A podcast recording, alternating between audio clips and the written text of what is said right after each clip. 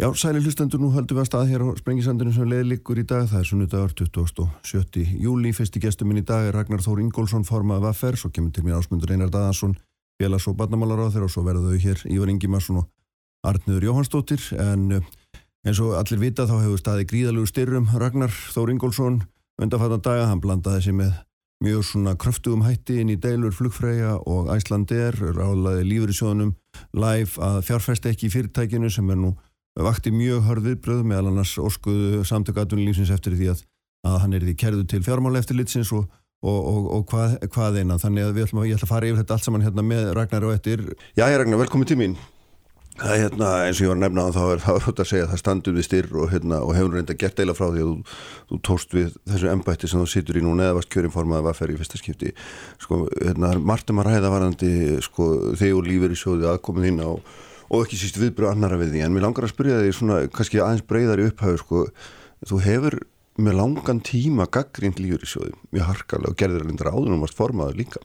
Hva, hvaða, á hvaða vekkferð ertu? Af hverju ertu að þessu?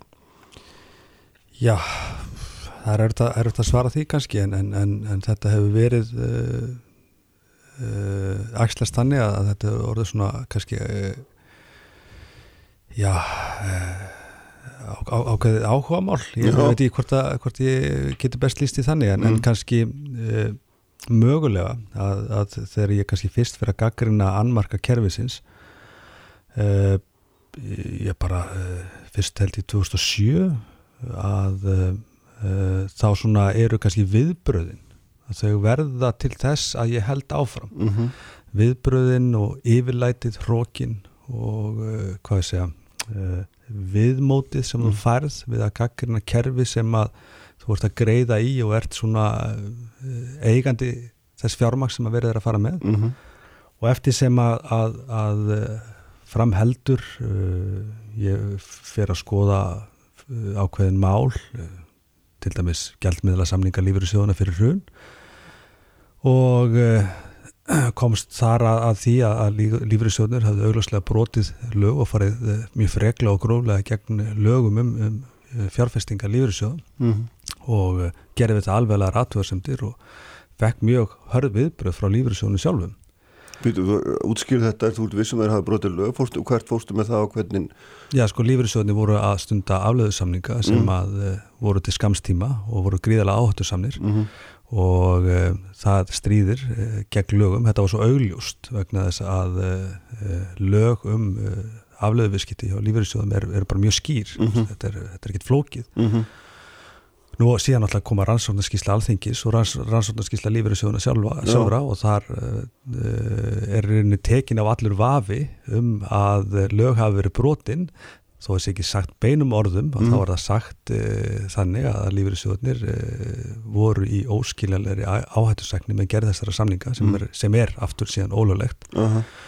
og ég fór að, að skoða síðan það frekar uh, tengsl ákveðina viðskiptablokka við ákveðina lífyrirsjóði og sá þar fljótlega ákveði munstur, það voru ákveðini sjóðir sem að, uh, voru nýttir í þá ákveðina viðskiptablokka og svo framvegs tengsl eh, persóna og leikenda þá sérstaklega innan naturlífsins mm. uh, uh, og uh, hvernig stjórnamenn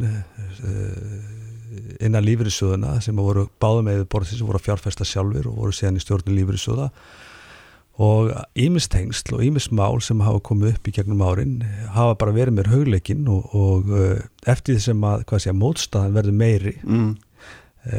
þá einhvern megin verður svona hvatin eh, hjá mér meiri til þess að halda áfram mm -hmm. þannig að uh, það virkar svona kannski mótlætið virkar auðvögt á mig ég veit ekki hvort sé röskun eða hvað það er sko en, en hérna en, en, en svona hefur þetta verið mm. og síðan uh, komst ég líka mjög áhugaverðin hlut sérstaklega í kringum gjaldmeðlasamningana á sín tíma er uh, ákveðin stjórn kervisvandeina lífyrirsjóðana sem snýr, snýra því að að ef að stjórnir lífyrirsjóðana hefðu ætlað að fara í mál út af uh, afliðusamningunum mm -hmm.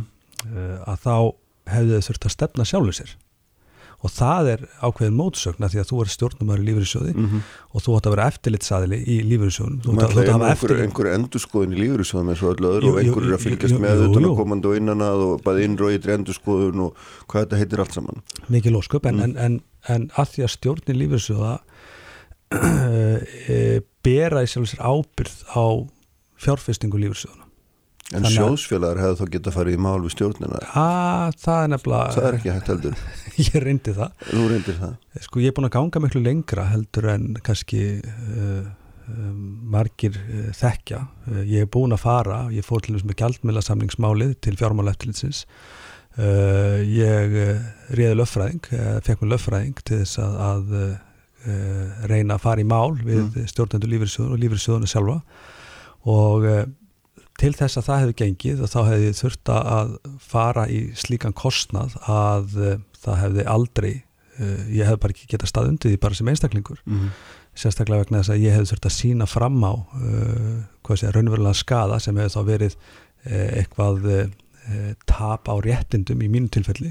Þannig að ég sem sjóðsfélagi var og er í, mjög erfiðri stöðu til þess að sækja réttminn gagvart raungum ákvörnum stjórnunda mm -hmm og, og, og vandin sem að lífyrirsjóðin standa fyrir eins og sér líka er, er bara þetta að, að e, til þess að skoða og rannsaka mál eða kæra mál mm -hmm. þá þurfa þeir í sjálf sér að vera að kæra sjálfa sig mm -hmm.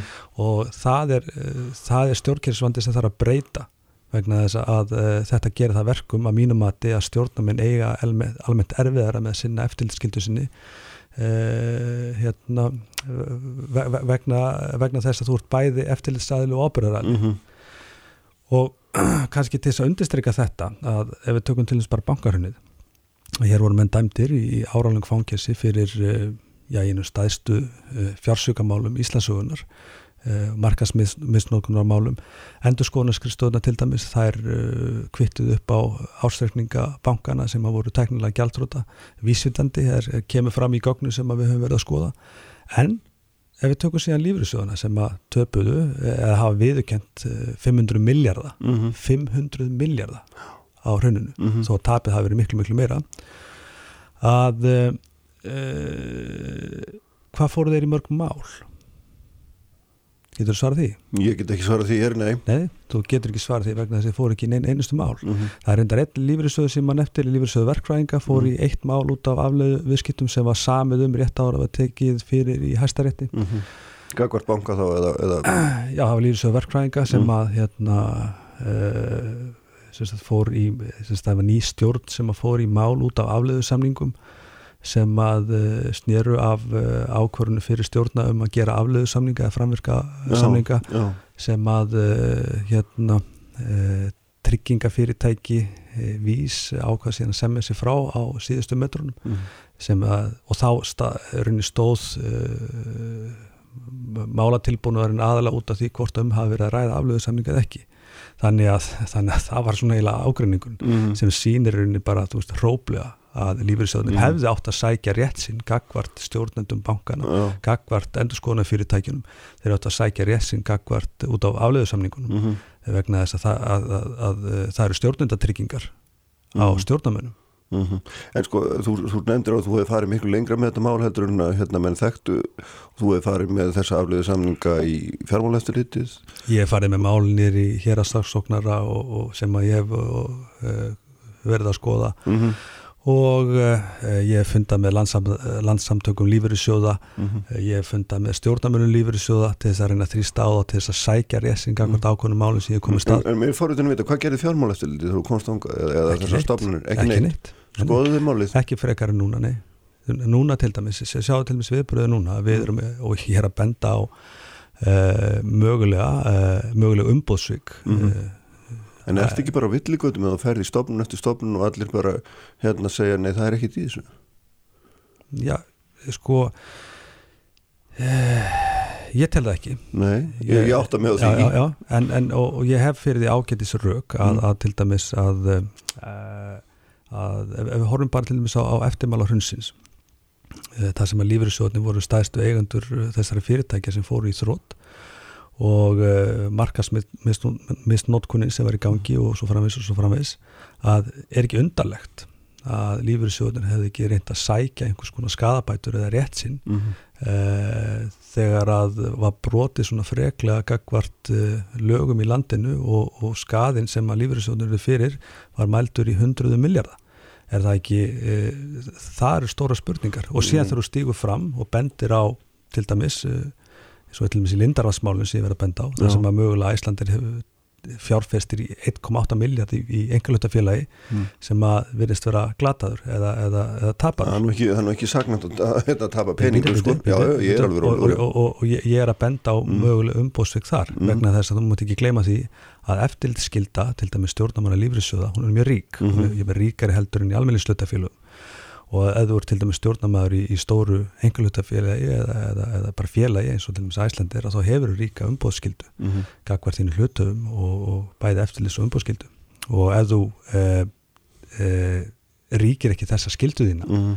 að það er ákveðið forma spillingu mm -hmm. ef þú farið upplýsingar um e, mögulega misbresti eða bresti varandi einhverja ákveðið mál eða, eða spillingu og gerir ekkit í því að það er ákveðið forma spillingu Mm -hmm. sem þú ert að halda fram að raun og vera hafi græsara það er það sem þú ert að segja Þa, það er það sem ég er að segja að, að, að það er ákveð form af, af umbóðsvikum þegar stjórnamenn eh, er ekki að rækja eftirlitskildu sína og skildu mm. sína sem stjórnamenn að, að passa upp á peninga launafólks mm -hmm.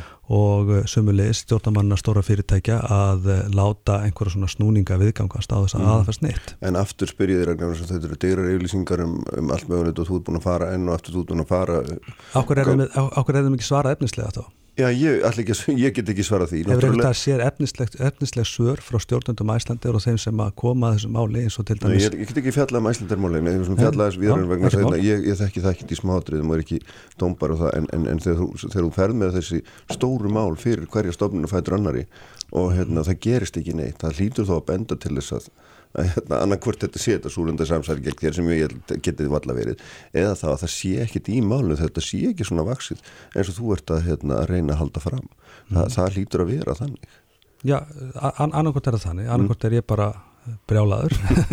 Ég er ekki að halda því fram Nei, byrju, byrju eða þá, eða þá að að þessar eftirlistofnan okkar eh, eru ekki starfisinu vaksnar mm. og hérna og ég eh, er svona ég eh, held því síðan nefndar fram Já. og eh, eins og segja að, að þegar að til dæmis uh, yfirlýsingar uh, seglabankastjóra uh, og eftirlýtsæla eru með þeim hætti sem að núna við erum að verða vitna að að vandamáli sé rauninni mm. áskipti stjættafélagana þar sem mm. að stjættafélagin leifa sér að hafa skoðanir á því í hverju sjóðunni fjárfest eða ekki mm. þegar við horfum á sögu lífriðsjóða sem er blóðudrifin, svo ekki sem er að sagt mm -hmm.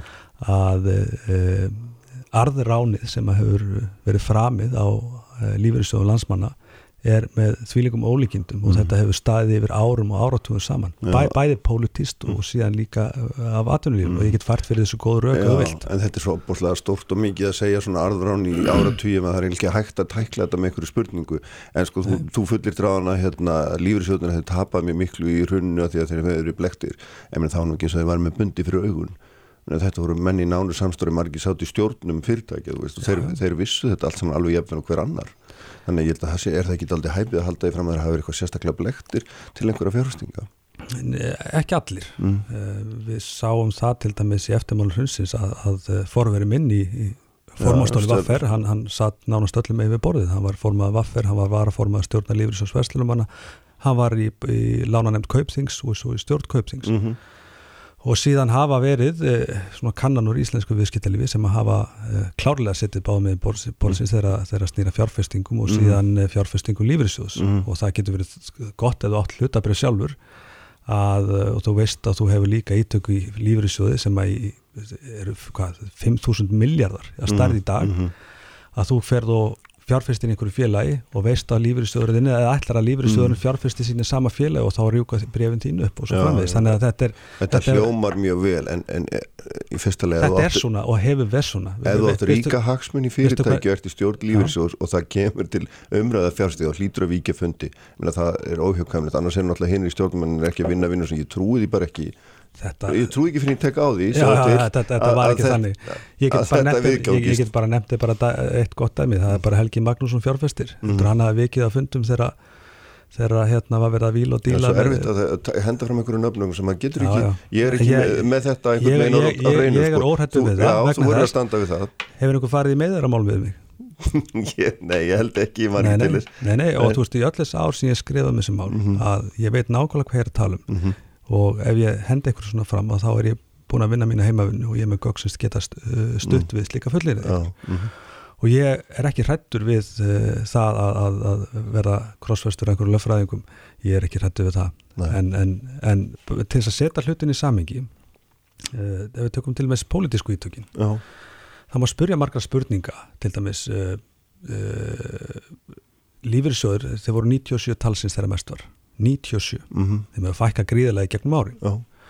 og eru komnir, já þessi rúmlega 20 virki lífyrsjóður í dag sem taka við ykjaldi og, uh, og þeim hafi fækkað líka mikið undanförnum árum og akkur allir þeim hafi fækkað svona mikið uh, lífrissjóðir hafa í gegnum árin og áratugin að verið notaður í pólitískum til, tilgangi og, og þá kannski svona vísa ég þá að þeir hafi hlýtóllur þeim svæðum það sem að, kannski hvað þessi atvinnusvæðum mm -hmm.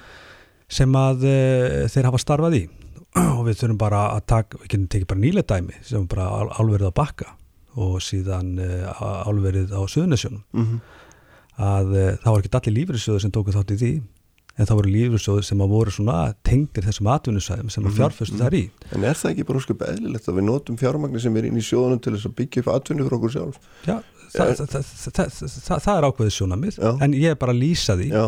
hvernig uh, uh, lífriðsjóðum hefur verið beitt í fjárfæstingum mm. kannski þá Ekki endilega, að... ekki endilega bara faglegum tilgengu, það er alltaf að tala um alltaf að þetta sé að alltaf að vera svo faglegt að því, að því að ég er að segja þetta í því samíki að mm. við erum að stiga fram í vaffer og við erum að stiga fram og við erum að uh, gaggrina það eða benda á það, augljósa. Mm að, eh, að það verði ekki fjárfest í ákveðinu félagi vegna þess að það stríði gegn eh, samþygtum uh, eh, lífriðstjóðsin og það er samþygtir nummer 1, 3, 5 í fjárfestingastemmu lífriðstjóðin sem, sem að tekur á sjálfbærum fjárfestingum og mm -hmm. öðru, öðru siðferðisviðmiðum mm. við, við, og það kemur einmitt inn á þetta félagslega undir bóð og, og, og uh, uh, þú veist öll þessi hvað sé að markmið og viðmið saminuð þjóðuna, alþjóðlega viðmið sem að mm. alþjóðam uh, samtök lífriðsjóð hafa sett sér að við töldum þetta stríða frekla gegn uh, þessum markmið sem sjóðunar mm. hafa sjálfur sett sér mm -hmm. og þá koma þessi hark, hörk, harkalegu viðbröð Já,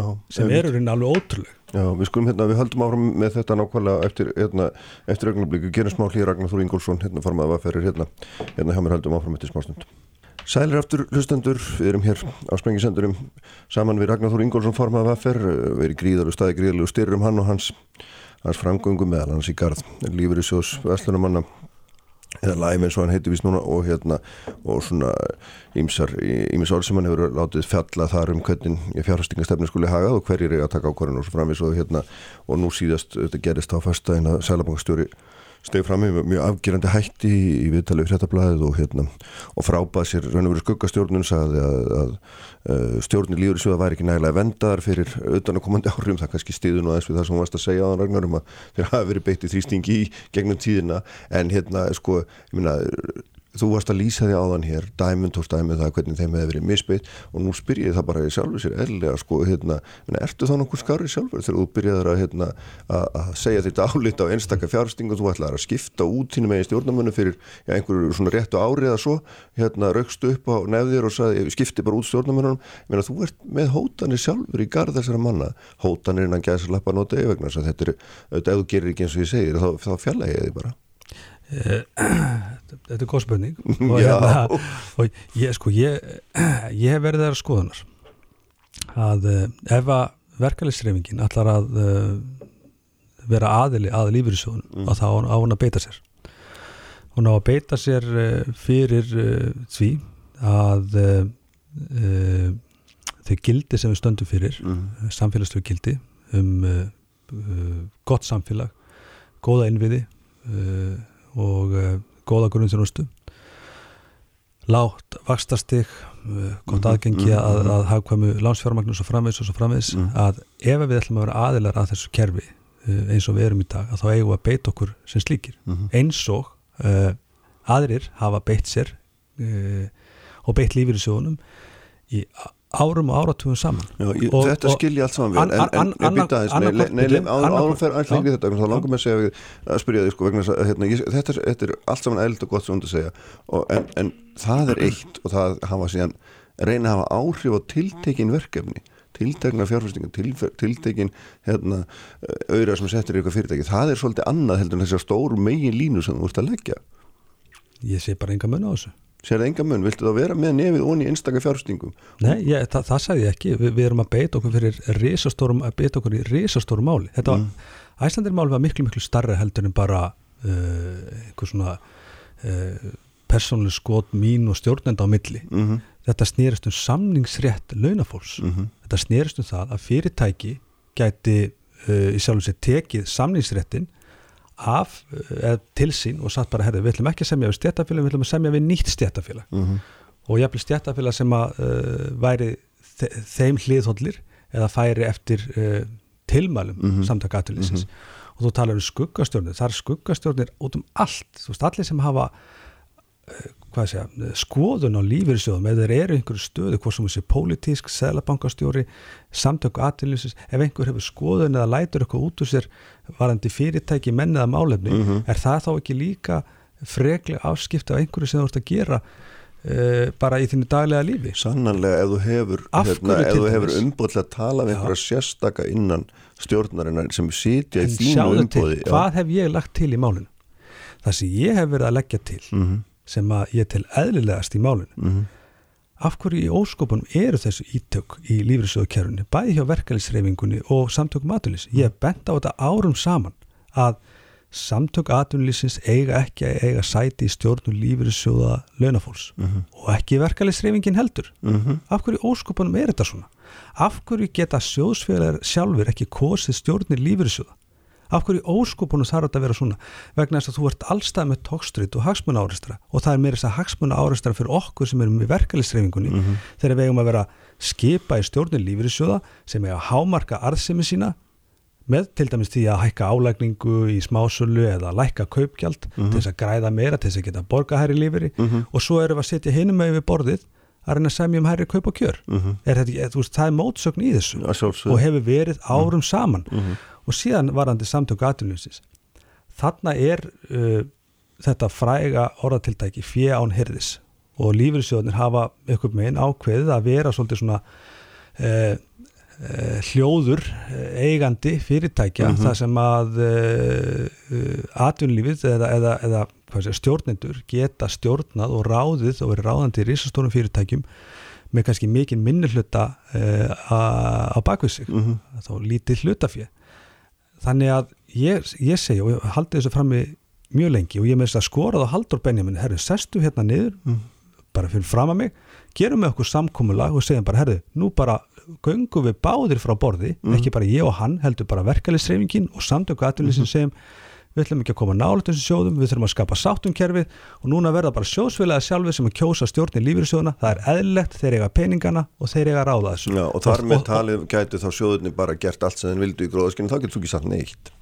Já, get ég þá ekki sagt ég get sagt hvað sem ég vil á hverju meinsta degi. Já, ég veit það, en ég meina þú hefur engin áhrif á það. ég myndi halda áfram að gaggrina sjóðina mhm. einu möðunir er sá að þá er ég að gera það sem sjóðsfélagi og bara almennum borgari Mhm. en þar sem að við í, til dæmis stjórnvaffer við berum að hluta til ábyrð á þessum lífyrirsjóðum við skiptum úr stjórnin í fyrra vegna þess að sjóður var að hækka vexti á meðan Sæðlabankin var að lækka vexti og það var allt vittlust og er rétt. þarna var sjóðurinn að vinna gegn uh, peningastefnu Sæðlabankans klárlega þegar En hann hækkar vexti sem áttu peningan inn, ekki satt? Ha, hverjir eiga peningana? Hverjir eru sjóðsfélagarnir, Já, og, og, og hverjir eru sjóðsfélagi?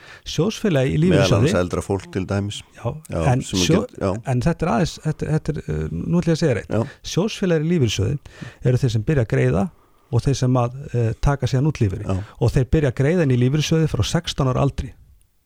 Og þú greiðir lengur í lífeyrissjóð heldur en þú tekur út að öllu jöfnu. Eða þú ert að heppna að lifa lengi. já, já. meðalaldur uh, til dæmis uh, uh, sjóðsfélagi lífeyrissjóð Vestlunumanna, það er sem lífaldur Mhm, er minni með 82 ár hjá köllum og 83 eða 4 ár hjá konum. Mhm. þannig að þú greiðir miklu lengur inn á, á æfin Já, inn í sjóðin og útrúnum, þá segir mér hver eru hagsmunni sjóðsfélag Mhm. Hagsmunni sjósfélagi eru frá því úr 16 ára, þá ertu sjósfélagi og þá kannski þú ferði á lífeyri og síðan þá kannski þú ferði í gröfuna Já. þannig að hagsmunir sjósfélagi eru lífskjör okkar mm -hmm. og til dæmis vakstastig uh, lífsgæð okkar á meða við lifum, mm -hmm. á meða við vinnum og, og meða við erum á lífeyri þannig að þetta er miklu víð, víðari Og hvað saði Haldur þegar þú saði þetta við hann?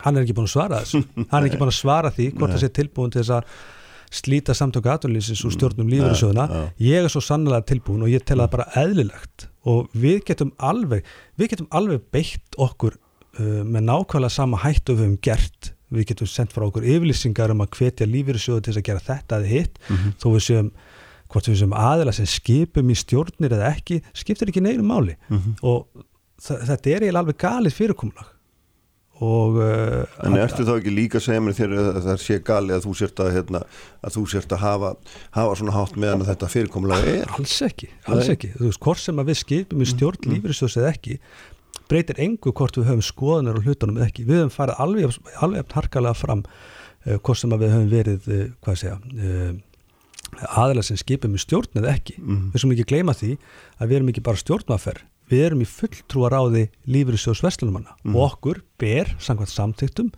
ný, nýjum samtíktum sjósins að vera stjórn sjósins er ágefandi mm. Og á móti þessu kemur alltaf ragnar að stjórnamennir í lífyrirsjóðunum og, og þeir sem taka hennar svo kvöldu faglega ákvarðanir þeir eru sjálfstæðir. já þeir verða að vera sjálfstæðir og þeir verða að gera það án utan að komandi þrýstings. Það gengur ekki þú setur tói annan handlegin og einhver annar í hinn og, og svo stappar einhver hún á höfðinu um í leðinni sko það er á móti kemur megu að hafa skoðun á hverju sem við viljum. Mm -hmm. það er ákveðið tjáningafrelsi við mm -hmm. erum ekki að fara gegn einu eða einu vegna þess að við vitum það og við berum virðingu fyrir okkar fólki mm. sem að setja þarna inni, við berum fullt tröst til okkar stjórnamann sem setja í stjórnum og þeir samtíki. fara, þeir Já. fara einu öllu eftir sinni einu sannfaringu og horfa nú bara á fólki sem setja fyrir okkar hönd mm. þetta eru, það er vali maður í hverju rúmi ég myndi mm. segja að, að við í verkefliðsreifingunni, allavega við í vaffer mm. hefum aldrei átt hæfara og flottara fólk sem mm. setur inni fyrir okkar hönd en einmitt núna en almennt er það nú þannig að menn geta kannski tjáðsum fjárfestingastefnuna svona á breyðingurunni menn það hefur ekki týðkast að verkefnisfóringjar hérna, hjóli beint í tilteknar, hérna, tilteknar ákvarðan eða tilteknar hugmyndir um, um, um fjárfestingu þess að þú hefur verið að gera Er það ekki bara lýsandi um meðverknuna og þöggununa sem er í Íslands samfélagi? Já, þú getur snúið í þannig Já, auðvitað ger ég það mm. ef, ef að ég, Kristján, alla, mm. ef, ef ég ætla að uh, alltaf að passa mig á að, að, að uh, segja ekki neitt mhm. -huh. af því að þetta geti mögulega uh, rugga þessum bát eða, eða, uh, eða hérna, gára vatni -huh. Mhm. hinnum einn -huh. þá, þá væri ég bara í, í, í, í þægilegri innvinninu mhm. á skrifstónum minni og myndi aldrei segja neitt Nei, Þannig að þú ert óttalög sem þá, þá þessu verið öllu sem að vísa til fjármála eftirliti Já, veistu það, ég hef yngar ágjur að þessu ég hef búin að eiga við fjármála eftirlitið áður oft á mörgusunum, bæði með að vísa stórum spillingamálun með því að eh, stefna þeim fyrir dómi. Ég er búin að eiga fjármála eftir litið oftar en einu sinn og ég eh, er ekki hrættu við að það er að gera það aftur eh, hvorki núna í nánustu framtíð. Mm. nú ef að félagsmenn vilja síðan einhverja aðra stefnu eða vilja formann sem mm. heldur sig á móttunni, kakvart uh, spillingunni sem er í íslensku samfélagi að þá kjósaði mig bara út. Svo einfalt er það. Nákvæmlega, heyrðu, við hérna þetta var frólitragnar, heldur við að maður láta lokja sinni, takk fyrir að koma. Takk samanlegis Sælir aftur hlustendur, þá Ragnar Þór Ingólfsson farinn frá mér en hingaði komin annar góðu gestur, það er ásmundur Einar Daðarsson, félags- og barnamálar á þeirra. Ég ætla að ræða hér við hann um eitt og annað sem tengist þeim, þetta er vinnumarkasmálum en líka önnur mál sem undir hann heyra. Ég sætla að blessa þér ásmundur Einar og velkomin til mín. Góðan daginn, takk. Góðan dag. Hérna, það er svona eitt og annað sem ég langar að ræða við, en auðvitað langar með að byrja hérna í þessari deilu milli, milli Æslandir og, og flugfræðina vegna þess að það var ákveðið svona grundvallar atriði sem hefur verið mjög umdilt sem að var þegar að, að hérna, fyrirtæki ákvaða að segja upp allir starfsmönnum og, og, og, og lýsa því við alltaf að fara eins og að kalla aðra leiðir og fá aðra til að ganga í þeirra störfi eða svona misósti með einhverjum hætti, hérna, kannski ekki öllu leiti sko, og mann sér að verkefælsefingin er, er á nálum út af þessu og hérna, mikil harka þessu, hvað, þú ert hérna ráð þeirra vinnumarkaðins hvað finnst þér um þetta? Sko ég held að, að í fyrsta lagi vil ég nú segja að, að ég hef skilning á uh, stöðu uh, fórsvarsmanna Æslandir sem að eru við erfiðar aðstæður reyna að bjarga félaginu. Mm. Uh, hins vegar held ég að það sé alveg ljóst að, að ef að við ætlum að fara að víkja út frá uh, vinnumarkasmótilinu sem við erum með, mm. víkja út frá þenn réttindu sem menn hafa víkja út frá því að, að þú sést varin þegar þú ert í, í viðræðum mm. og inni hjá sáttasemjara oh. að þá held ég að það sé aðgerð sem að, að aðgerð sem að þyrst að ræðast miklu dýbra og miklu grundvallari umræða áður en við förum að stíga það þannig að mm. ég held að það sé alveg ljóst að menn voru í mínum huga komnit alltaf inn á gráasvæði þarna hvað hvað þetta snertir en, en, uh, en það reyndu auðvitað ekki á það vegna þess að nei, nei, deilan, leistist, ekki, deilan leistist og Aha. það eru auðvitað fagnaðarefni að, mm. að deilan skildi leysast það er alltaf markmið að, að uh, svona deilur svo þessar að það er, það er leysist og, og, og sátta sem er gerði vel þar að, að leiða menn saman og, og það reyndu auðvitað ekki á það en, en við þurfum auðvitað í mínum huga Atbyrðarásin var samt farin á stað. Já, atbyrðarásin var farin á stað það reyndi ekki á það, þetta hefðu auðvitað farið fyrir félagstofn ef, ef, ef, ef að ekki hefði leist þarna úr málum. En í mínum huga væri það uh, allt önnur og stærri umræða ef við ætluðum að fara að uh, breyta þessum grundvallar grundvallar manngangi mm. á, á, á vinnumarkaði. Mm, Samtökadunlýsins voru nú samt sem að gallhörðu því að þau hefðu skoðað þetta, þetta væri í læg og þau myndu óhyggað hérna, mæta fyrir dómi til þess að, að hérna fjallum málið. Jú og það er eitthvað sem að hefði þá reynd á í félagstöfni. Ég held, mín skoðun er svo að, að, að þetta sé ákveðin réttur sem eigi að verja mm. uh, launamenn. Uh, þegar þú ert í viðræðum, þegar þú ert inni hjá sáttasemjara þá sé það ekki valkostur að fara þessa leið. Það hefur þetta reynd á þetta fyrir félagstöfni og sitt sínist hverjum þannig að Þannig að, þannig að ég held að það sé algjörlega ljóst í mínum huga að, að, að í mínum huga hefði það ekki staðist. Nei, við sáum þetta annað dæmi með Herjólf, það var smærra en í eðlisínu ekki dálíkt. Og, og, og maður sér líka hættulega umræðu núna um að, uh, um að það sé bara eðlert að fara að stokka þetta kerfi upp Já. til þess að draga úr þessum rétti og því er ég uh, algjörlega mótfallin. Mm. Ég, held þessi, ég held að þessi réttur og þetta uh, vinnum, þessi réttur og þetta kerfi sem við hefum byggt upp það er grundvöldur undir því að, að, að vera hér með jöfnu í þessu landi mm. og, og við eigum að vinna eftir þeim manngangi sem að lög og reglur gera ráð fyrir þeim öfnum. Mm -hmm. Þannig að þú ert ekki, myndir aldrei ljáð því máls að fara að breyta þessu í þá veru að menn getu einmitt bara lokað á einhverja tiltekna starfstjætt eins og þú segir bara í mjögum samlingavirðum að fara bara saman einhvern annan.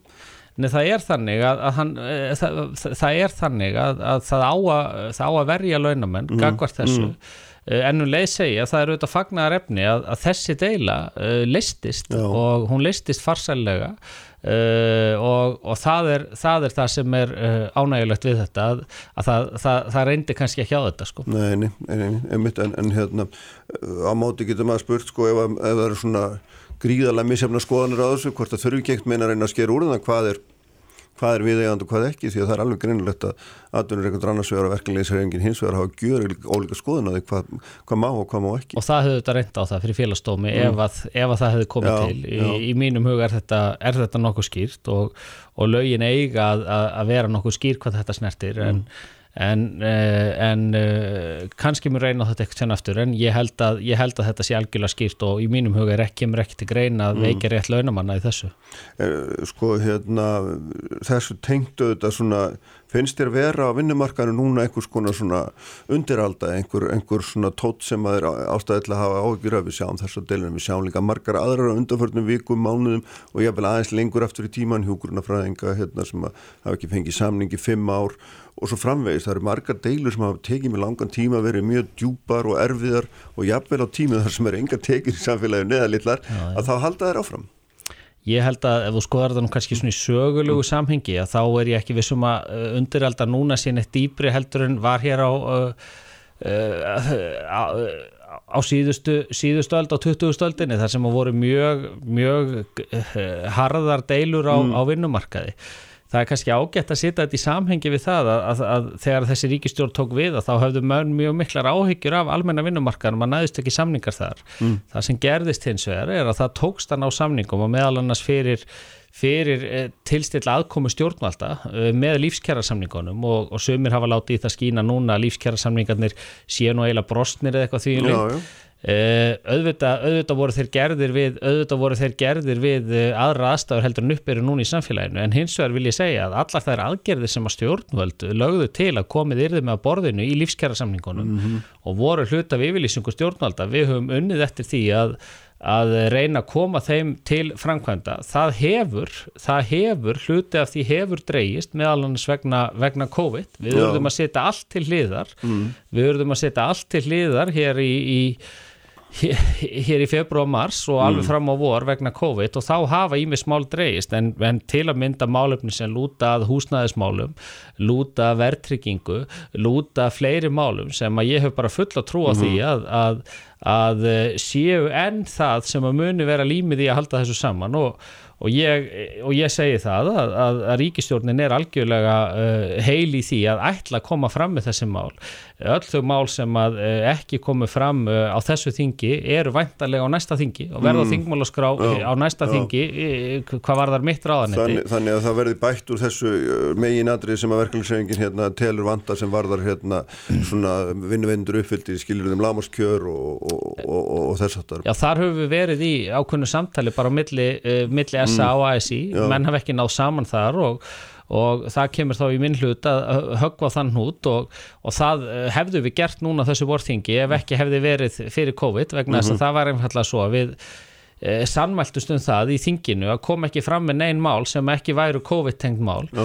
þannig að við munum koma fram með það á, á næsta, næsta þingi og, og ég hef trú á því að, að, að mörg þessara mála sem að, sem að lífskjæra samningurinn byggði á og, og, og lauta stjórnvöldum að mörg þessar atriða eru kannski enn mikilvægari núna uh, eftir að það fyrir að þrengja að í hagkerfinu heldur en þau voru hér og meðan að það leit svona uh, auðvitað voru váfallið og, og, og Já, já. vorum gerð þetta þegar leit allavega betur út heldur en að, heldur en að nú, uh, Já, nú áraði sko. Já, þannig, að, þannig að ég segi En bara hverju svar eru þá Solveig og Önnu sem sendir þér og fleiri ráðurum opið bríðum að að menn ha- aðhafist ekki þegar að þegar atvinnureikundur stela hérna, launum af fólki og það sé búið að ídrega hérna, fara með kröfur upp á fleiri hundru miljónur hérna, til, þar, til bara yfirvald og þessi, menn ha- aðhafist bara ekki neitt. Já, það er þetta sem ég segi að, að þetta er eitt af því sem að var í lífskjærasamlingunum Já, Þetta er eitt af því sem að var í samtali á milli SA og ASI og var sérstaklega kveð á það. Við ætluðum að sitta í þann farveg en ná samkómulega milli aðeila um hvernig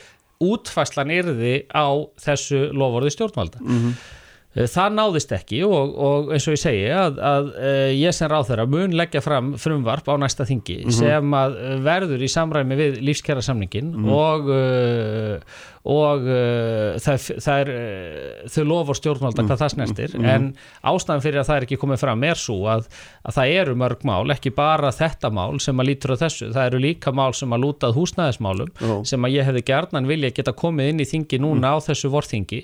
En bara einfallega vannst ekki tími til þess að ljúka við þau í ráðanettinu við íttum öllu til hliðar til þess að vakta þjónustu við viðkvæma hópa í þessu samfélagi við fallað fólk, aldraða þá sem byrð börn sem að búa við eh, einangrun, mál- ábeldismál og fleira eh, vegna COVID og, og byrjuðum í raunin ekki aftur að fungera eðlilega sem ráðanetti fyrir hér um miðjan mæ mm. og þá var einfallega brók knappur tími til þess að ljúka við þessi, ljúka þessum stórum málum sem að lífskjara samningarnir kváðu áum og þess vegna urðu við því miður að fresta þeim fram á haustið. Já, en eitt hérna en við, áður en við förum aðeins annað hérna, það er þetta sem kemur sprettur enn og aftur upp í, í kjölfærið umræðum bruna sem var hérna í Reykjavík um daginn og það sem kom í ljósa það voru yfir 70 mann skráður í, í, í, í hérna hús sem að enga veginn bar þann fjölda og við höfum þetta séð mörg dæmi um þetta undarförnum árum, mm margsinnis verið upplýst um, um elend verkafólk sem að hérna býr í versmiðu húsnaði, býr margt saman þröngt og, og við kröppkjör og, og hérna og er svo hlundfarið í launum kannski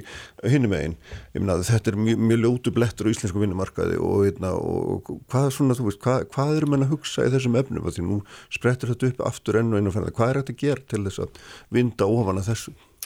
Eh, sko í fyrsta leið vil ég segja að þessi bruni er náttúrulega bara uh, sorgar atbyrður og, Já, og ég hef lagt áherslu á það við húsnæðis og mannverkistofnun sem að bæði fer með húsnæðismálin og með rannsók brunamála að rannsaka ekki engungu það sem lítur á brunanum heldur líka fara yfir einmitt það sem þú ert að segja sem er uh, húsnæðis þátturinn í þessu og uh, ég hefði svona vilja að leifa þeirri vinnu að klárast áður en að við færum að bregðast beint við út af þessu atriði. mhm.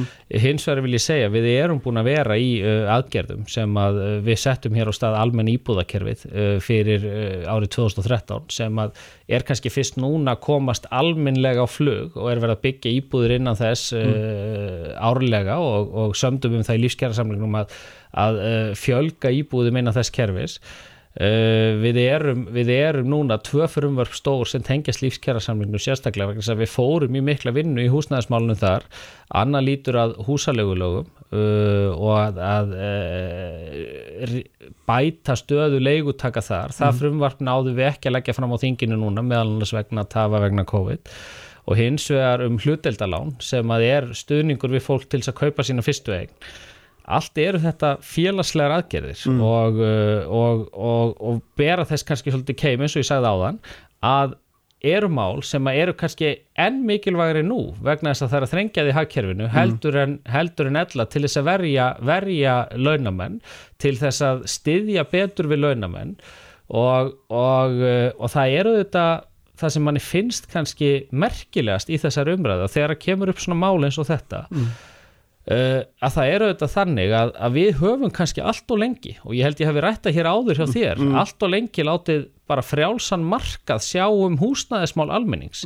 Þetta er eina grundvallar uh, grundvallar þörfum mannsins að hafa húsaskjól og, og mér hefur fundist uh, vera allt og mikill keimur af því í íslensku samfélagi að þetta er að vera einfallega lögmál markaðarins. Það er hver að sjá um sig sjálfur það með ég engu stjórna ríkið er hvergi að koma af og ekki sveitafélag heldur og það er svona kannski það sem við sáum í aðgerðunum sem að eru í lífskjærasamningnum bæði varðandi legumarkaðin, varðandi fyrstu kaupendur, varðandi það að fjölga almennum íbúðum og svo varðandi fjölda margar aðrar uh, aðgerði sem lúta því að halda utan um húsnæðismarkaðin erum að, við erum að víkja svolítið frá þessari stefnu og það og það hefur auðvitað, uh, stendur í ymsum vegna þess að þarna Já. erum við að stíga inn í gagvart hinnum frjálsa markaði Já.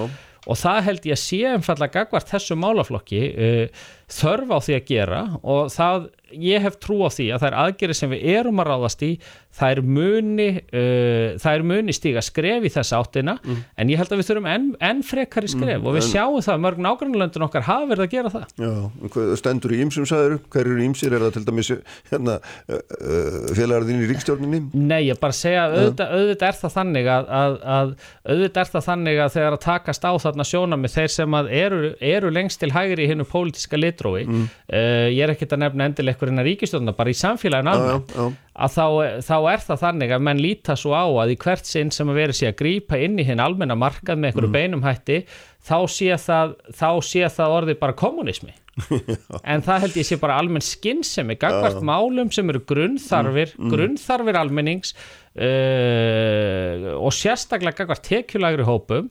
Við sjáum þetta tölfræðinni. Við sjáum það að til að mynda á leigumarkaði að þá hefur það gerst frá efnahagsrunnu að þeir sem hafa verið að færast yfir á leinu, leigumarkað eru fyrst og fremst lægri, lægstu tekjutíundir samfélagsins þeir sem eru í efstu tekjutíundunum þeir hafa ekki verið að fara yfir á nei. og svo sjáum við það í könnunum að á sama tíma að þá erum 90% þessa fólk sem eru á leigumarkaði það vil komast í eigin húsnæði Já, já. en svo segjum við við þennan hóp herðu, það er markaður sem verður að leysa þetta allt, frambóð og eftirspurn. Já, já. þetta eru þetta ekki alls kostar svona. Við verðum að tryggja nægild frambóð Mhm, en um leið verðum við að tryggja það að við horfum á hann málaflokk eins og hann e, með þeim augum sem hann á skilið sem að er að þetta er eina grunnþörfu mannsins. Þetta er ekki öðruvísi heldur en heilbyrðistjónusta eða félagstjónusta eða, eða annað þýjunlíkt Já, við, hérna, ég held sé ekki nokkuð maður sem myndi andmæla þessi, mér langar að spyrja aðeins meir út í hennar bruna vegna þess að hérna, aðeins að tala beintumannin, en það er alveg ljóst að hérna, að svona eftirlit með því hvernig þessum málum er haga og það er marg sínt sér líka á undanvörðum árum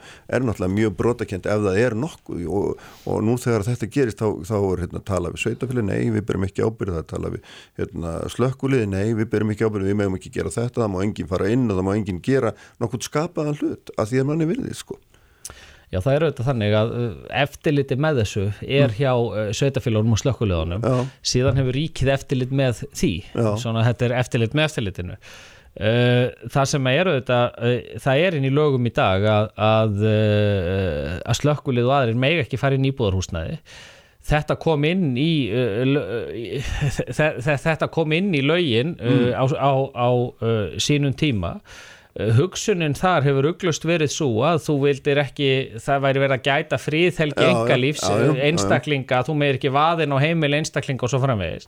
Og þetta er, þetta er eitt af því sem að ég hef beðið húsnaðs og mannverkstofnun að skoða sérstaklega núna. Já. þau eru að fara yfir bæði orsök þessa brun og auðvitað er það líka þannig að, að það er allavega samkvæmt frétta um fjölduna það bert endur til þess að þarna hefur verið mýkveikja um ræða, já, já. þannig að við skulum líka halda því til, því, því, til, því til haga. en það breytir því ekki að sjálfsögðu. Mm -hmm. og það sem, að, það sem að ég hef beðið húsnæðis og mannverkstofnun að gera núna er að skoða sérstaklega hvort að það sé ástæð til þess að fara í einhverja lagabreitingar mm. sem þessu tengjast. Ráðnit er að vinna með húsnæðis og mannverkstofnun í því. Og ég hef sagt það að ég held að það sé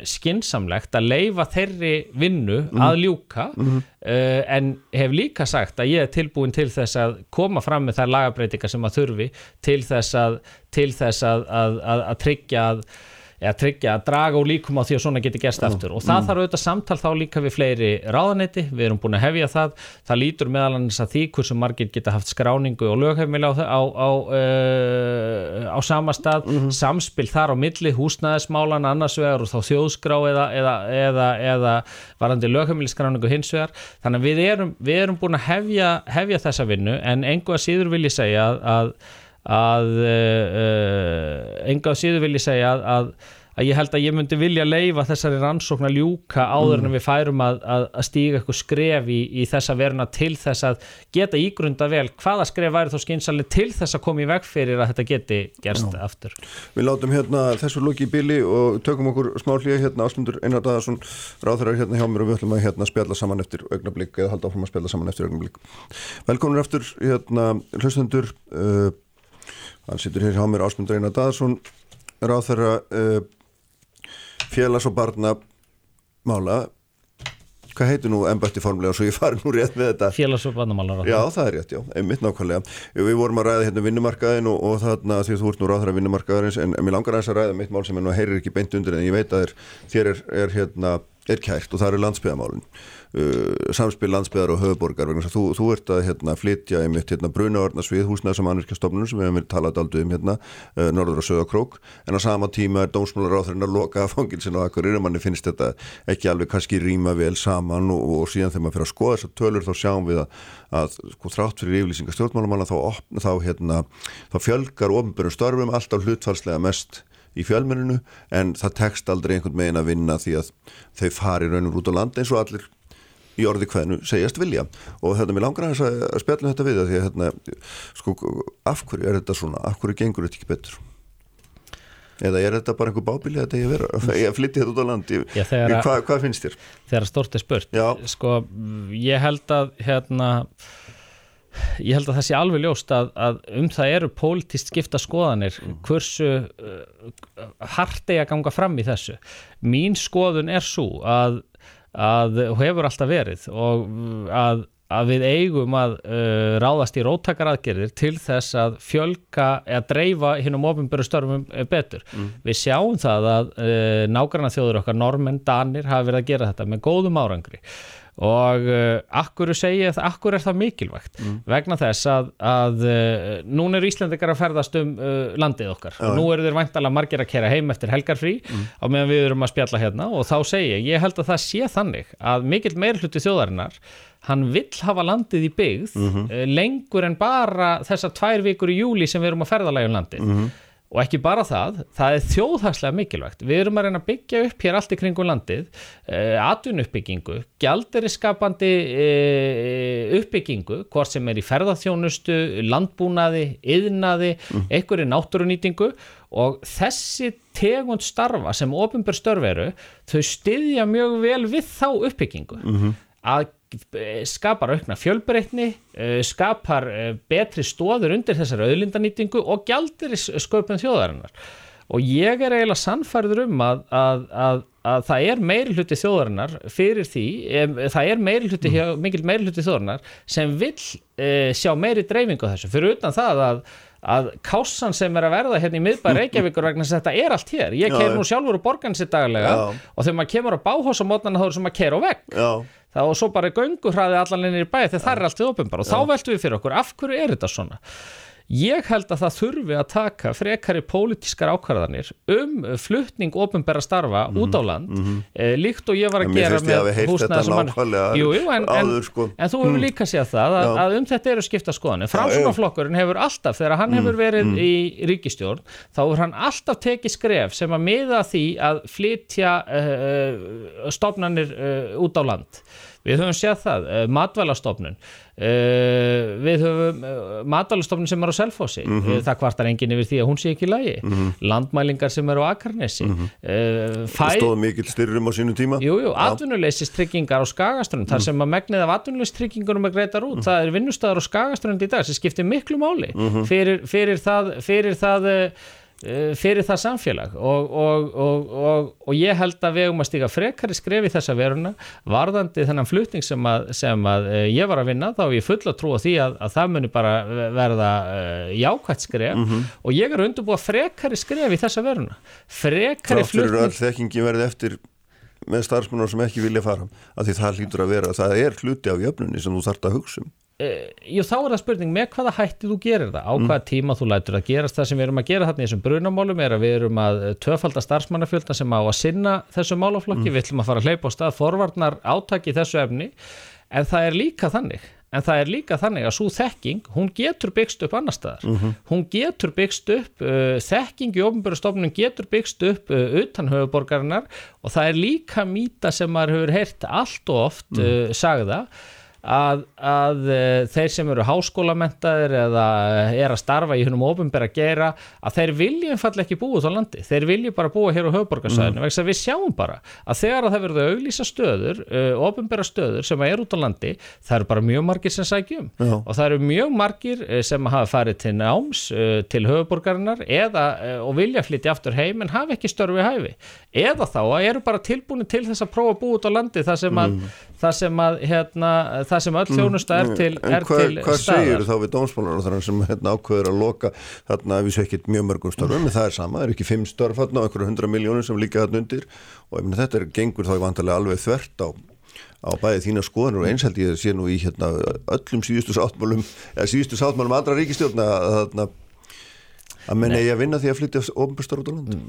Ég held að ég er auðvitað ekki efnislega mjög djúft inn í uh, því nákvæmlega nei, hvernig, nei, hvernig, það, hvernig það mál axlaðist og, og ég sé auðvitað að dósmálur á þeirra er svona búin að vera í samtali við uh, yfirvöld og agureyri um þau mál og já. er svona að skoða þau eitthvað frekar og og ég held að það sé bara heppilegt að, að, að hún fá að hún fá að ljúka þeirri skoðun án, án þess að ég sé að pota neitt í, pota neitt í það en ég segi bara en í hjartaðinu hlýtur það samt að vera ósáðast það er auðvitað þannig mm að tölfræðin tala sínu máli Fransunaflokkurinn hefur flutt mikið af ofnbjörnstofnunum, uh, deildum uh, mm. störfum út á land og um þetta eru pólitist skiptar skoðanir mm. og við gerum okkur grein fyrir því og það eru þetta þannig að, að, að það getur vel, það er líka þannig þú ert með þryggja flokkar ríkistjórn þá eru við uh, ólíkir flokkar og við mm. seifum okkur með ólíkum hætti en, en þetta er þetta mál er á borðið dósmálar á þeirra og ég held að það sé bara uh, heppilegast að hún, hún, uh, hún spilur því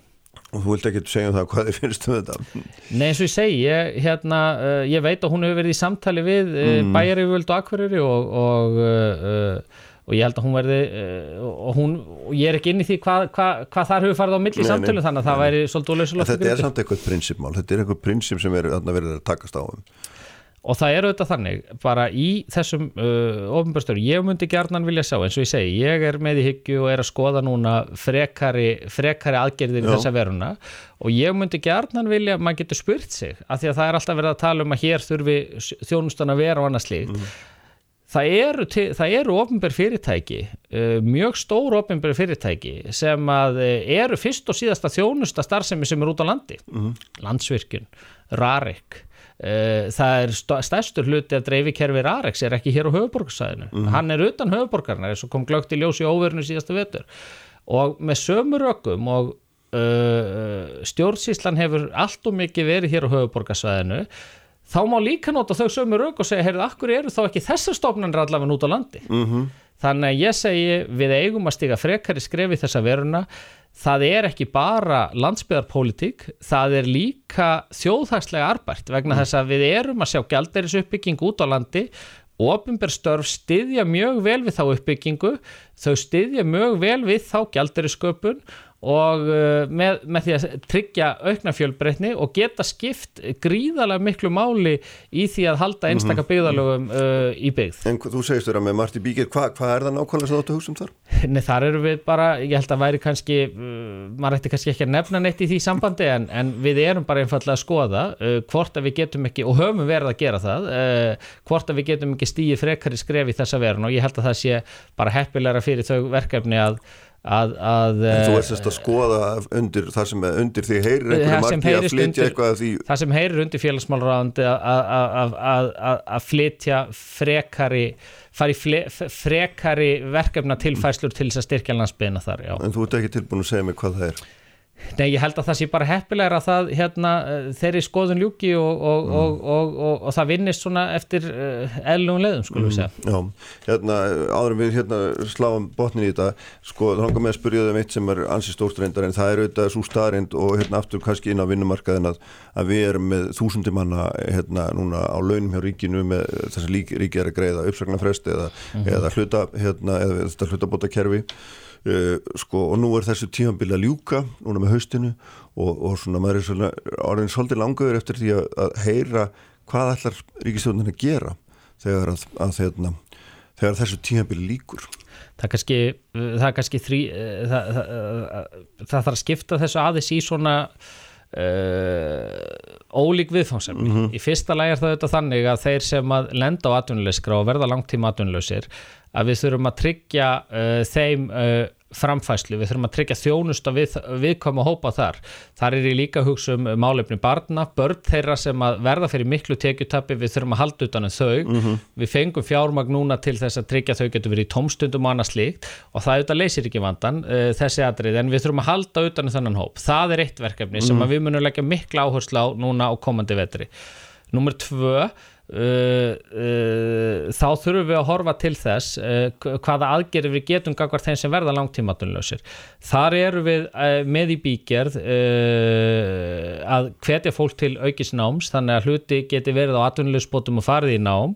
Við erum líka að skoða úrræði eins og hérna, allir vinna þar sem mm. að atunlausbætur geta fyllt inn til nýra, nýra starfa en svo vil ég segja líki þriðalagi að sem að ég hef aðeins uh, á uh, Uh, áhyggjur af er að, að vegna þess að við gætum þurft á einhverjum tímapunkt mm. að fara að skapa störf með öðrum hætti heldur en við höfum séð undarfæri nár mm -hmm. það er að segja að þið ofinbæra komið með beinum hætti inn í atvinnu uppbyggingu við höfum verið svo heppin síðustu árin og síðustu áratugin að þetta hefur bara komið upp í hendurnar á okkur mm -hmm.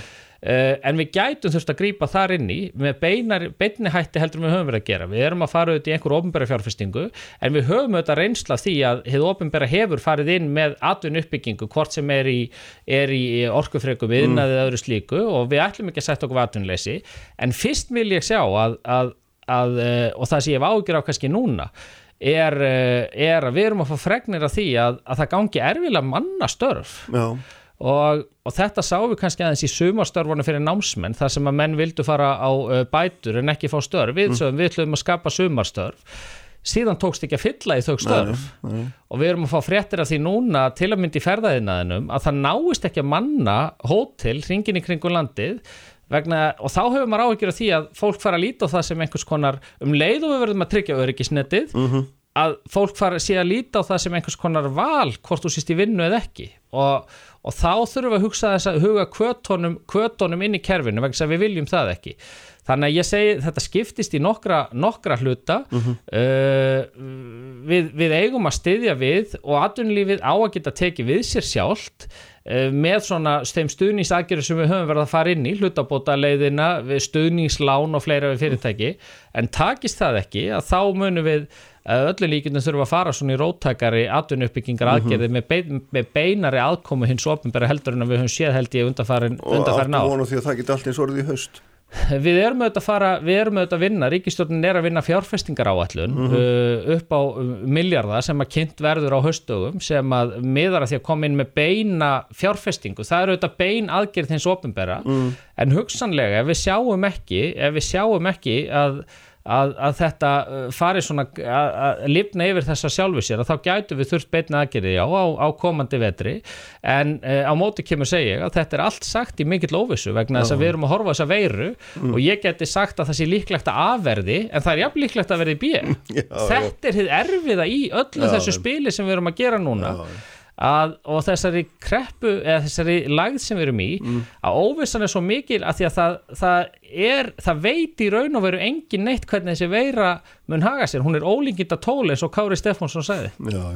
Ljómandi gott hérna Ásmundur Eira, takk fyrir þetta. Þetta var gott og ídalegt spjall, gaman að hérna fá það eins og alltaf, takk fyrir að koma. Takk, takk. Og við höldum áfram hér að sprengja sandi eftir auðvitað takk. Ég sælir aftur hlustendur. Uh, við höldum þá hér áfram, þau eru hjá mér núna, uh, Ívar Ingimarsson uh, rekandi á Austurlandi og Arnur Jóns dóttir sem er yfir markastofu Norðurlands. Uh, við ætlum að þess að ræða svona stöðuna í ferðarþjónustun út á landi uh, hérna og svona hvernig þau sjá næstu framtíð hérna allavega svona eins og við erum búin að nefna við ykkur áður að svona maður, það, nú er byrtist mikið af jákvæðum fréttum og, og það er auðvitað gott en, en mann grunar að það sé kannski svona það sé aðeins minna á bakvið þetta heldur en uh, menn óska sér ofta tíðum. Hvað, hvað svona, hver er ykkar tilfinningi í var ef þú byrjar?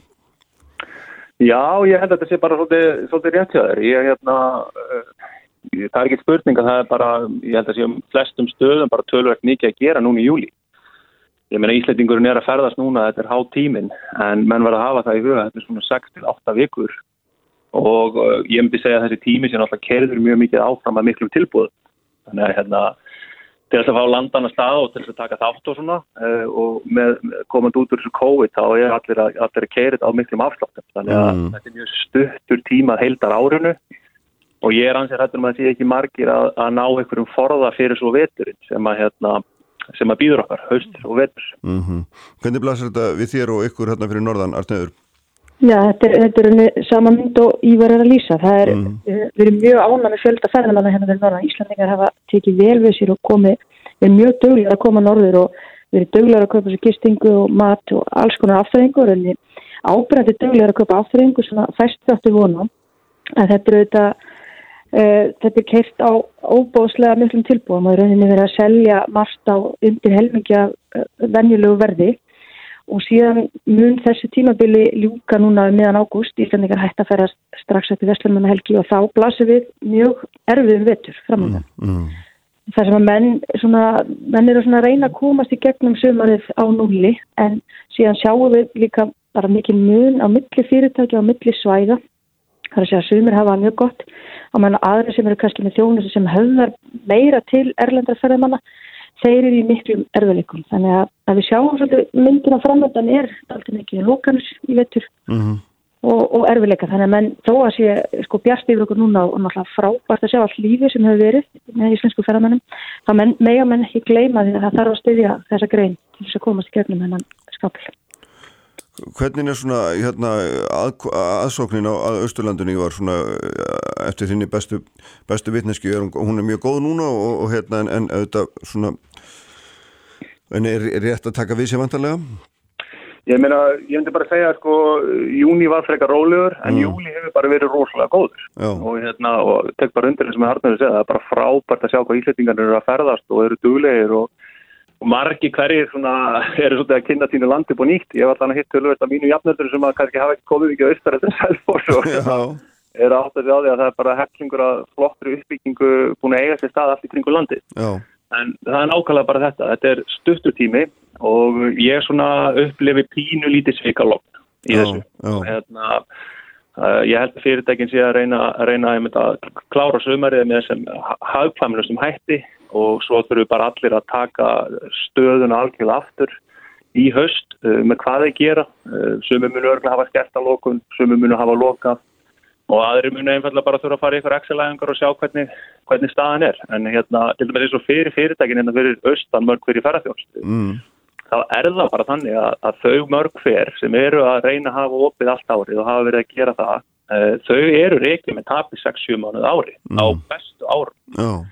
Þannig að ef að, ef að sumarið skilar engu inn, já, þá er ekkert sé eftir, ekki þá nema lánsfið eða eitthvað slíkt til þess að halda þessum fyrirtækjum og þjónustu opinni. Mm -hmm. Þannig að hérna, það verða erfiðar, erfiðar ákvæmni teknar í haust uh, af öllu óbreytt. Mm -hmm. Og áttu, áttu vona því að hérna, það verður kannski bara þorri fyrirtækja sem að, sem að skellir í lás fyrir einhvers konar vetrarhýði? Ég get alveg séð það gerast. Uh, ég get ekki tala fyrir alla en mér finnst það líklegt. Ég veit bara að, að svona hefur þetta verið keitt. Við erum að tala um uh, axlamánuðinu april mæ júni, júli, ágúst á hegjamenn og fullu, september, oktober hefur verið allt í lægi svona fram í miðjan oktober, en svo mm. er það svolítið búið hér. Mm. Þannig að hérna, fyrirtækinn hér hafa líka verið að reyna að halda opnu við veturinn, meðal annars að það hefur verið kallað eftir því, það hefur verið að byggja okkur um að hafa opið svo að fleiri ferðamenn komi til þess að mm. ná betri dreifingu og menn hafa verið ótrúlega duglegur við þetta en menn hafa geta það af því að menn hafa náð innkomi inn á summit og hérna menn hafa verið að gera þetta líka til að reyna að halda þessu svona heilsástörfum, halda þekkingu innan fyrirtækjana en það er bara mjög erfitt að gera það ef það er ekki til fjármjörns. Já, en hvaða viðtækari afleðingar hefur þetta? Ég finna áhendarlega er þá fullt af fólki sem hefur ekkert að gera og ferða þá bara eða hvað? Ég heldur alltaf kannski fyrir sumari af því að COVID skall á skellur á þarna svona um miða mars eða slíkt skilur mm. að margin alltaf voru búin að undirbúa sér þannig það er, það er verið að keira þetta á miklu farra starfsfólki oh. Þannig að margi voru kannski ekki búin að fá þá til dæmis erlendu starfskrafta sem átt að koma inn, þeir höfðu ekki komið. E, svo aftur er verið kannski að lendi smá visinu núna yfir þess að há törna þegar það kannski vantar þá fólk. Oh. En ég held að margir hafi kannski verið búin að gera þessar ástafanir. En það sem gerist er kannski bara aðalega það að hérna, ef, ef, ef að þessi fyrirtæki gera það sem ég er svolítið hrættur um að sömum mjög gera er að, er að jafnvel að lokaðu veðböru. Það þjónustist í bara fyrir heimamannin út á landi sem við vanist ég segja þessum auknu lífskeiðum sem ferðarþjónustan hefur fært að, að hérna, menn mun, mun, mun kannski svolítið breyða við það, það verður mm. kannski færri, færri veitingastæðir og minni afþreying í bóði mm. yfir þannig há, há vetur mm. Er þetta, myndur þú segja að þetta væri hérna, svona svipað að þú sér þetta Arnæður? Já, klárlega, það eru, mm. eru óbúslega vandkvæði núna við að fá starfsfólk og í rauninni er staðan svo að mörg fyrirtækjana geti ekki einu sinni synda allir þeirri þjónustu sem getur selta af því þau hafa ekki starfsfólk að það sem ég er kannski meira ágjör af heldur en, heldur en starfsfólki núna, það er í rauninni, þeir frumkólari ferðarþjónustu sem við missum þegar að menn þurfa að loka, að segja við missum auðvitað starfsfólki í burtu, við missum mikið erlenda vinnuaflunum sem er að koma og það er mjög miður af því að þá geta menn ju ekki þjálfað upp heilsástjónustu en við erum að missa líka frá okkur frábær fyrirtæki ferðarþjónustu sem byggja á hugunda og, og þekkingu einstaklinga sem að hafa barist fyrir uppbyggingun í mörg ár, mm -hmm. barist fyrir að vera með heilsasofnum og barist fyrir að búa til svona alls konar eitthvað sem er mjög sér íslenskt og við erum nú þegar farin að sjá hluta á þessu fólki hverfa til andara starfa og það verður ekkit auðvelt að byggja þá ferðarþjónustunum upp aftur ég held að við séum að fara að horfa á mjög breyta ferðarþjónustu mm eftir þessi áföll og þá ættir að koma í ljós í vetur og næsta vor þá hvernig svo mynd verður sem að byrstist okkur þá. Hva, hva, hvernig heldur þú ónmenni lítið út? Uh, ég hef áhugur af okkar svæði að uh, við verðum með útibú meira heldur en við höfum verið með. Mm. Það er að segja að höfustöðuna verði á höfuborgarsvæðinu og menn séu þá að keira meira á háanatíman, ferðir eða slíkt eða hafa opna gistingu engungu á þessum háanatíma yfir sumarið og láta það duga. Mm -hmm. Getur þá enda svona eins og skíðaþorpi Östuríki sem er opnaði fimm mánuði ári meðan menn skíða það er svona myndi sem ég hef áhugir af að við, að við töpum svona okkar já bara sjálfstæði og tekjuskapandi verkefnum mm. Og þér finnst þér að margt í spilunum sem að bendir í þessu áttu? Já, ég er mikla ráðgjur að því mm. vegna þess að, að þetta hefur verið erfitt fyrir fyrirtækin og núna eru þetta þegar að fyrirtækin lendi fjárhagsvandurinn þá er uppköp fyrirtækina auðveld og hérna fyrirtækin falla í hendur annara og, og þá auðvitað það breytir í rauninni karakter fyrirtækins að hvort þú ert með heimamann sem er að reka það, sem mm. brennur fyrir að vera með fyrirtæki opið allt árið á svæðinu, er tilbúin að leggja líf og sál í það eða hvort þú ert að reka hvað það sem horfið bara á Excel-skjalið. Það, það er svolítið myndin. Þannig að þú ert að tala um að þetta verði þá bara hluti af einhverju svona starri eða svona smæri fyrirtæki verði hluti af einhverju starri heilt sem að hérna, verði haldið bara opið þegar hafkvæmt þykir og ekkit meir. Akkurat. Við hins vegar þurfum að hafa stóru fyrirtækinu, við þurfum að hafa mjög öllu fyrirtæki með okkur og þau eru mörg að gera frábær hluti en það þarf að vera ákveði jafnvægi í þessu. Mm, mm. Við þurfum að vera með alls konar í Íslandinu ferðarþjónast. Erum með stóru segluna, stóru fyrirtækin en erum líka með litlu frumkunnarna sem er að berjast og það eru þeir sem er að standa sig mjög vel núna eh, vegna þess að þeir eru, já bara eins og ég var að koma inn á þann að menn hafa ekki mannskap til þess að vinna þannig að þeir draga bara allt saman og hlaupa mm. til þess að sinna góðri þjónustu. Já. Hvað segir þú um þetta Ívar? Já, bara algjörlega samla þessum og, það, og þetta er það sem hún er að tala um einmitt þarna varandi það að þú veist að náttúrulega mynd hægt á þessari samtíðstun og þessi frumkvæla sem er út á landi dett út og það sem ég hef bara séð eftir ég flutti yngar til dæmis 2012 mm. þar sem veist, þetta var allt svona að byrja hvað allt innu, þú veist, lífið út á landi er miklu skemmtilegra, miklu fjölbreyttara og, og miklu meiri svona afþreying mm og, og það sem ferðarþjóðstan gerðir er bara um að gera á þessum tíma er búin að gera þessi svæði miklu svona skemmtilegri til búsettu ég held að ungt fólk hafi frekar hort út á þessu svæði. Og það er algjörlega svona þessi hvað veit þetta enga framkvæmt sem hefur gert það. Og ég er svolítið hrættur um það ef, að, ef að þetta drekt saman og menn sjá skemmta fjónustunni við vetartíma mm -hmm. þá náttúrulega gerir þetta þá bara mingar þetta lífskeiðin það mikið. Að, að ég hef bara áður því að hérna, svæðin verði ekki eins spennandi til búsettu mm og, hérna, og þá náttúrulega lendir það þá pakki bara aftur á ríkinu að grípa inn í það sem mann hefur reyndar ekkert verið neitt allt duglegur að, að gera. Nei, sko maður sér það hérna uh, sko það er auðvitað hérna uh, það er stöðut verið að reyna því að vinna því að sko fjölga fólk út á landi að mistu hlutvarslega svona meirheldur en annar stað en, en þróunin er nú því miður ekki þannig sko það er, er alltaf tölur sem er til þess að hlutvarslega aukning verði alltaf mest í þessu, þessu hodni hér Já, ég held, að, ég held að það sé mynd líka bara sko, það sem að Arnið tala um mann, sko, þungin er fyrir sunnan, stóru mm. fyrirtækjunum kennitulun eru þar og það er alltaf líka þeir sem taka ákvarðanir um, um okkar líf búa allir þar. Þannig að hérna, það, ég held að við, maður myndi ekki vilja sjá þetta fara að gerast í ferðarþjónustinni að hérna, þetta fari, færist allt svona söður í, í útibú hér en mm. hérna, það er hægt við því og hérna Það er svona held ég að verði bæði ríki og aðrir, menn með ekki bara segja eins og þetta úrræði sem búið er að gera núna, er núna bara nóg komið. Ég held að verði bara allir að taka stöðuna upp í höst og sjá hvað hvað, hvað mm. við vilja gera þá.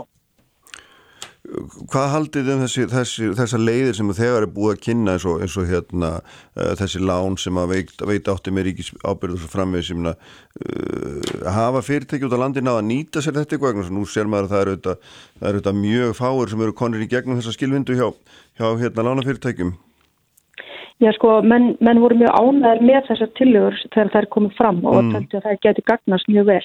En það hefur eins og að tekið allt og langan tíma að koma þessum hlutum í framkvæmt þannig að þetta hefur ekki nýst ennþá fyrir fyrirtækin og er að valda mörgum miklu vandræðin í varandi greiðslistöður eh, að geti ekki list sín mál og auðvitað óvissan sem er uh, varandi þetta hvort og hvenar síðan eru svona skilmálar sem er aðeins að, að flækjast fyrir eins og varðandi hérna, hversu mikið fall í, í trafík þú verðst að hafa til að geta fengið þess, þennan stöðning og þá eru menn kannski að fá núna fjöldan til sín í formi Íslandinga mm. en tekjuströmi er hins vegar nánast ekki neitt þannig að það er svona aðeins röglar útreikningana en, en það er allavega virðist vera góðu vilju og, menn eru mjög jákvæðar fyrir þessum ákjærum að það er þegar það er komið til framkvæmda að fulla þá munið er gagnast Já, en það er sérst vegna þess að hérna, aftur þá komum við þessum tilbúðum vegna þess að hérna, þá eru verðir, verðir eru svo látt að þá, hérna, þrátt fyrir að fjöld, það, menn telja fjöldar en ekki krónunar sem koma og þá, þá hérna, er menn ekki lengur standast menn ekki skilinin. Akkur, og menn eru svolítið að tala um sko alla þessa umferð sem er í sumar á ferðamannina mm. þó að það sé jákvæmt að menn eru svolítið að nota orðið rústabjörgum. Eh, þú ert í rauninni með fullt að gera en það sem kemur í kassan er óbúslega lítið. Já. og svo er það þannig með okkur Íslandingina að Íslandingina eru kröðuharðari og þeir ferðast öðru sem heldur en erlendi ferðamann bara sem dæmi á, á gístistöðum þá er þeir að tjekka sér mjög seint út Já. og vilja tjekka sér mjög snemma inn og það því að glukkin til friða er mjög lítill. Það fannst að manna betur. Á veitikastöðum þá þarf maturinn að koma bara náðast að lögu og tjesti við og það þarf að manna betur. Já. þannig að það er svona það er ákveðin auka kostnáð líka á Íslandingina þó þau vil ekki borga jafn mikið. Þannig að þetta er svona svolítið flókin staða en, en almennt er það mjög mikil ánægja mm. með, að vera fá Íslandingina og það sem við erum að leggja áherslu á hérna það er að breyta þessu til lengri tíma þannig að þetta verður ekki bara eitt ferðarsumar og heldur að Íslandinginir haldi áfram að ferðast í landi og ég held að þeir sem eru búin að prófa þeir eru margir að segja bara, herru, ég á aftur að gera svo margt mm. og þannig að loga allir samfélagsmyndir að frábæra myndum af alls konar áfangastöðum sem Já, að menn, menn svona eiga eftir að skoða, já, þannig ég, ég, ég vona að við sem búin að breyta ferðaðin í Íslanda. Já, við skulum aðeins ræða það eftir eignum, mér langar, að hérna, ég var aðeins að tala um þetta líka við þig hérna, þessar, þessar, þessar, þessar aðgerir ríkisins, hvernig þær hafa svona, hvernig þær hafa farið í þig og, og, og það fólk sem þú svona ert að, ert að ræða þessi málvið. Já, ég held svona almennt að við bara verið ánægir með þetta. Þú veist, ég meina, þetta er svona fínar aðgerðir sem að, sem að er að nýta fólki en mér er í skaggrinins nú að það alveg því hversu rosalega sent að gangi aðgreða. Mm. Ég held að það hefur verið til dæmis eins og með styrkjalánum hvort þetta voru um, hvað, fjórða hundra umsóknir og búið að afgreða átta. Já, já, einmitt. Hérna, þetta er að setja fólki í vandræði, skiljur, og mennur þá, og af því að þetta er ekki að koma inn, inn þá er mann líka svolítið að lendi því kannski að mögulega þurfa að selja einhverju lausamunni á brunaútsökum sem aftur aftur kannski skada fyrirtækinn til þess að reyna að ég jafnvel bara, þú veist, standi því að borga, uh, borga laun og annars. Já. Ég held að úrraðin svona almennt muni nýtast flestum og vonandi vel, en það er alls ekki öllum, en uh, það áþand eftir að koma svolítið reynsláðuð af því hversu sett hefur tekið það tekið já, af. Já, já, maður svona trúði því þetta var kynnt að þetta sko koma þegar að tekið hrunið var fyrirsjáðanlegt sem var þá kannski mæ, júni en það er að hérna, að slaga hátt í ágúst og enn er ekki búið afgreðan eitt að þessu lánu þannig að hérna þannig að þeir sem ekki gáttu að lifa þann tíma þeir eru vantarlega þá bara hornið til annar að starfa. Já, þetta er, svolítið, þetta er alltaf að gaggrina þetta. Við erum nú ekki stórt land, skilur, og maður svona skilstað á þeim um, svona björguna aðgjörnum sem hefur verið farið í annar stað þá að sé þetta ganga tölvert mikið hraðar. Og hérna við státum okkur á því að við séum fá og við séum snögg að gera hlutina og það virðist ekki, ekki vera varandi þessar svona björgunar eða aðstofnar aðgjörðis. Nei, nákvæmlega. Uh, hérna, uh, Arnið, mér langar að nefna við þig og hérna eitthvað bæðið þetta, hérna, þessa, þetta þetta sem að þú varst að kynna á fymtudagin og þið hérna markastofur landsnutana um, um, um nýja upplýsingagjöf til ferðalanga um Ísland og einmitt í, í, í samræmi með það sem varst að ræða áðanum að við myndum breyta ferðahæðun okkar sjálfra til þess að hérna, eh, ferðast meira um landið og ég held að einmitt eins og þetta segja að margir eru nú uppgötta Íslandi upp á nýtt og einhvern veginn að endur heimta landið sitt af því að það hefur verið svo mikið trafíka menn hafa veirað sér við að fara á marga þeirra stöð, stöðin sem þeir hafa aldrei komið á. En þurfum einhvern veginn að sjá áður en að, að herfista dögunum líkur. Mm -hmm. Akkurat.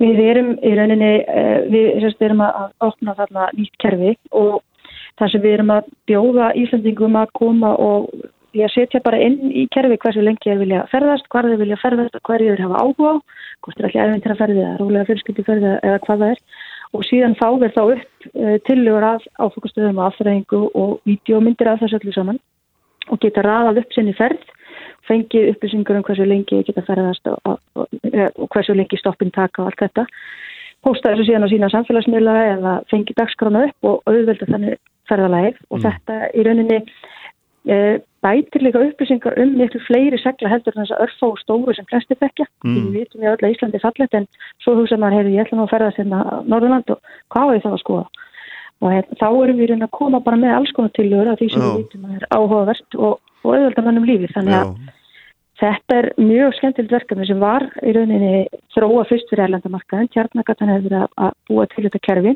og taka upp myndundin og þetta fyrir að stað fyrir erlendamarkaðin í haust af því við, við verum að keira þá áfram. En, mm. en það var ákveð að setja til loftum fyrir Íslandingana fyrst og, og hérna, til þess að reyna að grípa hennan áhuga og, og viðhalda hann. Mm. Áttu vona því að við getum hérna, breytt ferðavenni okkar sjálfra? Ég held að, ekki spurning, alveg eins og ég sagði það þetta er mm. mjög fyndið þegar ég er að hitta núna svona kunningafélagi sem að maður var að spila með fókbaltæðina þegar maður rúlingur í bænum mm. að þeir eru jafnvel að koma í fyrsta skipti hérna austur í ferðalagi þeir eru bara komið með reist að kannski spila fókbaltæð og stoppaði nokkur klukktíma farið að, og, og þeir tala allir um það hvað sé mikið að sjá og mikið að gera þannig ég held að það sé ekki spurning að, að þetta er eitt svona besta auglýsingasumar fyrir íslenska marka sem hefur, hefur átt í stað Já. og hérna ég vona bara svo sannlega að mann nýti sér þetta en auðvitað náttúrulega líka verður að hafa það í hug kannski síðastleginn tíu ár þá hefur bara verið miklu ódýrara fyrir íslendinga ferðast ellendis heldur en jafnvel innanlands mm. það er að allir mínir vinnir voru bara að þvælast í borgarferðum út og söður allt sömari skiluru og horfðu svo að flug til eilstað og það var helmikið dýraður þannig að fattur ekki hvað ég á því þannig að hérna, þetta er líka svona ákveðin heimatilbúin heim, heimatilbúin vandamál En, en ég held að það sé ekki spurning að Íslandingar eru að kynast landinu sínu upp á nýtt og þetta muni vera til þess eh, allan ykkur næstu árfram í tíman að maður muni ferðast, ferðast meira á landinu sínu. Mm, mm. Maður vonar líka svolítið að menn átti sjá því í sumar að það hefur svolítið uh, loðað við að menn eru hættið að keira þetta sé langt, þessi vondi vegir og erfitt einhvern veginn. Nú þegar menn prófa að fara að staða átt að segja að þetta er uh, rosalega öðvöld. Þá vonandi svona ítir að undir að menn sé líka að fara að taka bara helgarferðir og það er það sem ferðarþjónastan hér er undirbúið undir í vetur Já. það er að ná hérna, skíðutrafikin í norður og, og ná fólki svona í alls konar verkefni, já, já. allar helgar vonandi. Já, það er alveg merkilegt þegar maður er hérna og ég er náttúrulega ekki dörfið sinna aðrir, hefur búin að hérna, fara fullt í sumar sem var hérna, hérna þorðið ekki að fara áður eða, eða svona, ekkert minn endi ekki að vera í langri byrjuð við allavega að komast að stöðum og, og þá ser maður að til dæmis öll þessi umræðum um salirni sem var alltaf undanfæri nára og þetta er þetta tómt, hérna tómvils að það nóðast út um allt og, og, hérna, og það er frábært eða hvað er búið að byggja gríðarlega mikið upp Já, ég held að þetta var um þetta salefnistæmi, þetta var nú bara einfallega mjög einfalt mál. Og lóksist að með settu salefnis skúra upp í, ringinni kringu landi þá bara dósu umræða, svo einfalt var það mál. Mm. um, og varandi það að þessi byðraðir allstar, ég held að þetta er, því, sko staðan er ekki þannig eins og til og með hérna á Östurlandi, þú getur, þú getur valið 20-30 gungulegur hérna yfir hásumar, flottar gungulegur og þú hittir valla mann. Mm. Þannig ég held að það kannski bara vant á það að komið aðeins kannski lengur út á land. það, það er ekki upplöfum mann sér að hér sé alltaf drukna í ferðamannum nema síður sér. Auðvitað eru svona ákveðni dagar sem er kannski meira af en, en á þessum stöðum sem eru minna þekktir en mjög flottir þá er það bara alls ekki þannig að, að menn sé að drukna í ferðamannum og get ekki ferðast um sitt eigi land. Nei, nákvæmlega. Svo eru þetta svo ópáslu uppbygginguna í þessu stað og við erum að horfa fram á það núna í ára það verður svona álíka margir elendi ferðan á landinu voru fyrir tíu árum síðan já, já. en ef þú horfur úr uppbygginguna sem er núna með þá og alltaf þjónustum sem er í bóði og hérna alls konar uppbyggingu við náttúruperlur og leiðbenningar sem eru til staðar sko, þá erum við bara með allt annað land og það er það sem að menn er að fatta líka á þessum ferðanum núna. Það er svolítið renn upp ljós fyrir okkur hérna höfuborgarbúanum og þetta er, hérna, þetta er landum betra heldur en umtalið var og hefur verið. Hérna, þetta var hérna, frólitt og gaman að heyri ykkur og við sjáum hvernig þetta, hérna, hvernig þessu vindur öllu fram. Takk fyrir að vera með mér Ívar og Arniður. Takk fyrir. Já, verið sæl.